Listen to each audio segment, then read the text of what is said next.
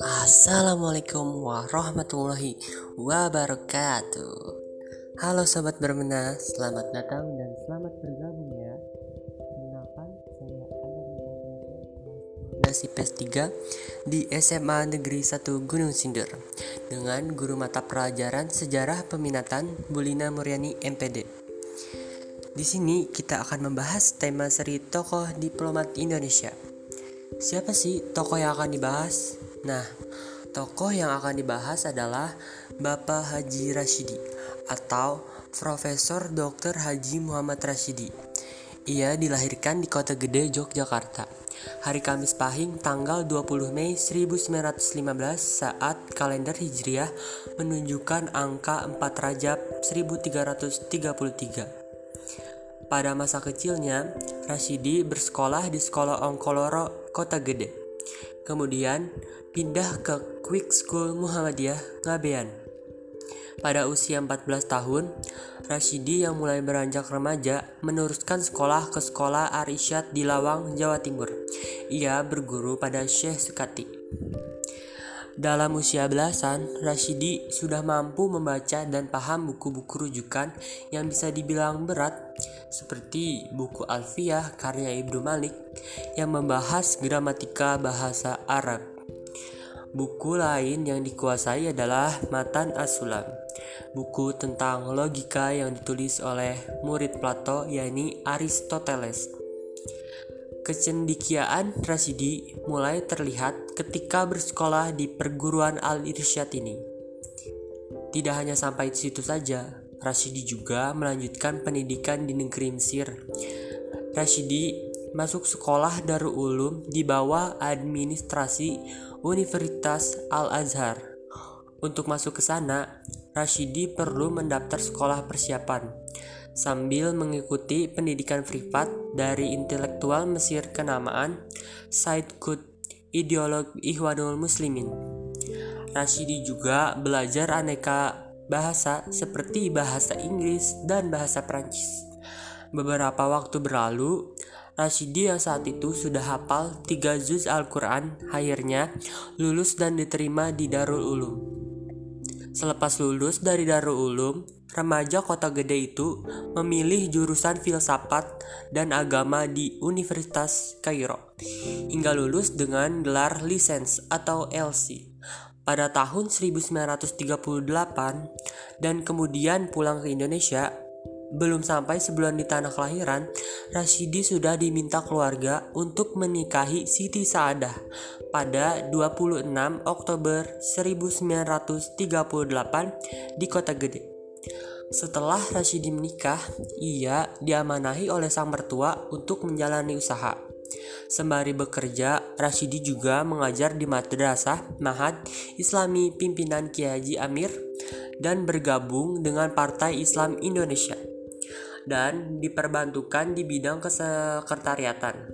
Ia juga bergiat di The Islam Study Club pimpinan Mr. Kasmat, suatu wadah diskusi bagi cendekiawan dan ulama. Pada masa pemerintahan Jepang, Rashidi pindah ke Jakarta mengurus perpustakaan Islam yang bertempat di sebuah gedung di Tanah Abang. Saat itu, Rashidi sudah memiliki putri bernama Siti Nurainah berusia satu setengah tahun, serta putra bernama Abdul Salam yang baru ber berusia beberapa bulan. Anak dan istri turut diboyong ke Jakarta.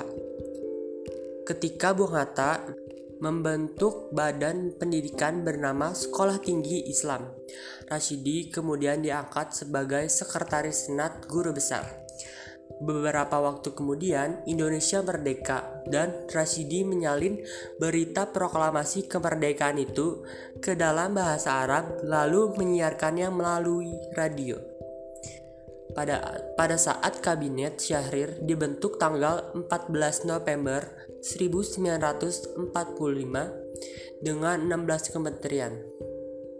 Rasidi kemudian ditunjuk untuk memimpin Kementerian Negara berkantor di Jalan Cilacap 4, Jakarta. Menteri Rasidi pergi ke kantor setiap hari dari rumahnya di kebun kacang dengan menggunakan sepeda. Setelah sekitar dua bulan menjabat sebagai Menteri Negara, Rashidi ditunjuk untuk menjadi Menteri Agama. Pada tanggal 3 Januari 1946, bertepatan dengan hijrahnya pimpinan pemerintah Republik Indonesia dari Jakarta ke Yogyakarta. Rashidi berpidato di depan corong radio Republik Indonesia Yogyakarta dan mengumumkan bahwa sejak tanggal itu secara resmi Republik Indonesia mempunyai Kementerian Agama. Rashidi menjabat sebagai Menteri Agama pada Kabinet Syahrir II hanya selama tujuh bulan kurang 10 hari. Karena pada 2 Oktober 1946, Syahrir harus mengembalikan mandatnya kepada kepala negara akibat kuatnya pihak oposisi. Nasidi menjadi bagian dari delegasi diplomatik Republik Indonesia yang dipimpin oleh Haji Agus Salim dengan beranggotan beranggotakan Mr. Nazir Datuk Pamunjak, Abdul Kadir, dan Abdul Rahman Baswedan. Pada tanggal 17 Maret 1947, delegasi tersebut terbang menuju Mesir. Pengakuan Diplomati dari negara-negara Arab kemudian diperoleh berkat usaha-usaha tim ini. Nasidi kemudian terus berjuang di Timur Tengah dan sempat menjabat sebagai duta besar Indonesia di Mesir pada tahun 1951 hingga 1953. Kemudian ia pindah ke Teheran, Iran, menjadi duta besar di sana, sekaligus merangkap pula menjadi duta besar untuk Afghanistan dari tahun 1953 hingga 1954. Selepas itu, ia pulang ke tanah air dan menjabat Dirjen Penerangan Departemen Luar Negeri. Kemudian ditempatkan di Akademi Dinas Luar Negeri dengan kedudukan sebagai administrator. Setelah itu, bantuan Rockefeller Foundation Rashidi kemudian melanjutkan pendidikan doktoral di Universitas Sorbonne, Prancis selama 2 tahun. Ia lulus pada 23 Maret 1956 dengan disertai berjudul Evolution de Islam in Indonesia U Consideration Critique du Livre Tenjini. Ijazah yang diberikan padanya ditandai dengan tulisan Faculte des Lettres Doctorat de Université de Paris. Tak lama setelah itu, Rasidi diangkat anak agung gede agung men atau Menteri Luar Negeri di Kabinet Burhanuddin Harahap sebagai duta besar berkuasa penuh Republik Indonesia untuk Republik Islam Pakistan. Berkedudukan di Karachi. Presiden Pakistan kala itu ialah Maizen Iskandar Mirza, seorang militer yang menggantikan Ali Zina. Pada tahun 1500 pada tahun 1958, Rashidi dan keluarganya yang saat itu tinggal bersamanya di Karachi berangkat ke Montreal dengan melewati Hamburg dan London. Ia meminta cuti di luar tanggungan pemerintah selama lima tahun dan kemudian mengajar di Yale University. Rashidi mengajar hukum Islam dan sejarah di Institute of Islamic Studies yang dipimpin Profesor Viver Cantwell Smith. Di sana lahir putra ketiganya bernama Kasim pada tanggal 6 Desember 1958. Pada tahun 1963, Rashidi meninggalkan Kanada dan menjadi wakil direktur Islamic Center di Washington, Amerika Serikat. Pada 1967, ia kembali ke tanah air. Rashidi diminta untuk bekerja di Rabitha Alam Islami yang juga punya kantor di Indonesia. Sambil bekerja, Rashidi mulai mencari waktu luang untuk menulis buku. Salah satunya adalah filsafat agama. Rasidi juga diminta langsung oleh dekan Profesor Dr. Subaikti untuk mengajar hukum Islam di sana. Kemudian, pada tanggal 20 April 1968, ditetapkanlah Rasidi sebagai guru besar bidang hukum Islam dan lembaga-lembaga Islam dengan pidato pengukuhan berjudul Islam di Indonesia di zaman modern. Rasidi juga mengajar ilmu filsafat pada program Pasca Sarjana IAIN Jakarta. Selama hidupnya, ia telah menulis banyak buku. Di antaranya yaitu buku koreksi terhadap Dr. Andes Nurkholis Majid tentang sekularisasi. Buku filsafat agama, Islam dan Indonesia di zaman modern, Islam dan kebatinan, keutamaan hukum Islam, dan masih banyak lagi karya yang ditulis ataupun diterjemahkan oleh Rashidi. Profesor Dr. Haji Rashidi wafat di Rumah Sakit Islam Jakarta pada 30 Januari 2001. Ia menutup usia pada umur 86 tahun. Beliau dimakamkan di pemakaman keluarga di Kota Gede di, dengan dihadiri pada to, para tokoh dewan dakwah seperti Kiai Haji Hussein Umar, Hardi Muhammad Arifin, dan tokoh-tokoh Islam lainnya. Selain pencapaian dakwah yang sangat berharga bagi umat Islam di Indonesia, beliau mewariskan buku-bukunya untuk perpustakaan Dewan Dakwah Islamiyah Indonesia, serta sebuah mobil tua untuk menunjang kegiatan lembaga tersebut. Sampai saat ini, penghargaan tertinggi dari pemerintah yang diterimanya adalah Bintang Mahaputra.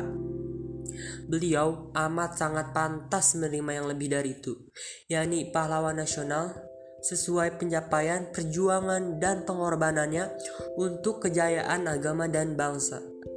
Sambil menunggu gelar tersebut diberikan oleh pemerintah, nama Profesor Dr. Haji Muhammad Rashidi harus hidup sebagai pahlawan di dalam dada generasi muda Indonesia sebab beliau tetaplah guru bangsa yang amat perlu dihormati. Haji Muhammad Rashidi adalah salah satu dari sekian tokoh Muhammadiyah yang memiliki jasa besar terhadap berdirinya Republik Indonesia. Dalam buku 70 tahun, Profesor Dr. Haji Muhammad Rashidi Mazid secara singkat menyimpulkan ada tiga kesan yang melekat pada sosok Haji Muhammad Rashidi. Yang pertama, diplomat yang kedua menteri agama, dan yang ketiga mujahid di dunia pemikiran. Setelah kemerdekaan Indonesia diproklamirkan pada tahun 1945, masalah utama yang tersisa adalah pengakuan kedaulatan. Tanpa pengakuan dari negara lain yang telah berdaulat, proklamasi sebuah bangsa dianggap tidak berkekuatan hukum di mata internasional, hanya dianggap main-main belaka. Memenuhi kebutuhan itu, tiga tokoh Muhammadiyah, yakni Haji Agus Salim sebagai ketua, Haji Muhammad Rashidi, Ahmad R. Baswedan bertanda ke dunia Arab sebagai tim delegasi pemerintah Indonesia. Selain tiga nama tersebut, turut bergabung Najir ST Pamuzak dan Abdul Qadir sebagai anggota. Pada misi ini, Haji Muhammad Rashidi bertindak sebagai bendara dan sekretaris. Suranta Abdurrahman dalam jurnal Diplomasi Republik Indonesia di Mesir dan negara-negara Arab pada tahun 1947 menyebut misi diplomatik yang dilakukan selama April hingga Juli 1947 itu berhasil menggayat dukungan dari Mesir, Suriah, Lebanon, Arab Saudi, dan hingga Yaman. Perjuangan yang payah, berliku, dan penuh resiko dalam usaha diplomatik itu terangkum dengan baik dalam catatan panjang Abdurrahman Baswedan berjudul Misi Diplomatik Republik Indonesia di Mesir. Dalam buku 100 tahun Haji Agus Salim yang terbit pada tahun 1984 dan film Moonrise Over Egypt yang rilis tahun 2018 bahwa sobat bebenah keren banget kan Bapak Rasidi ini?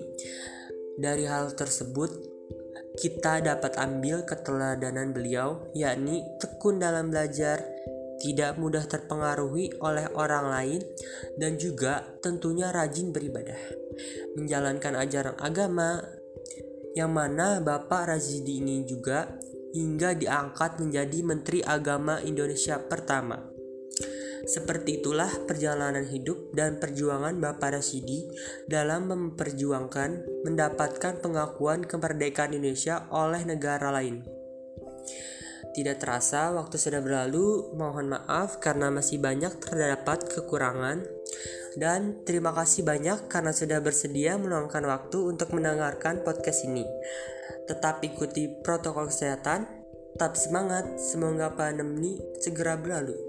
Sekian, terima kasih. Wassalamualaikum warahmatullahi wabarakatuh. Dah.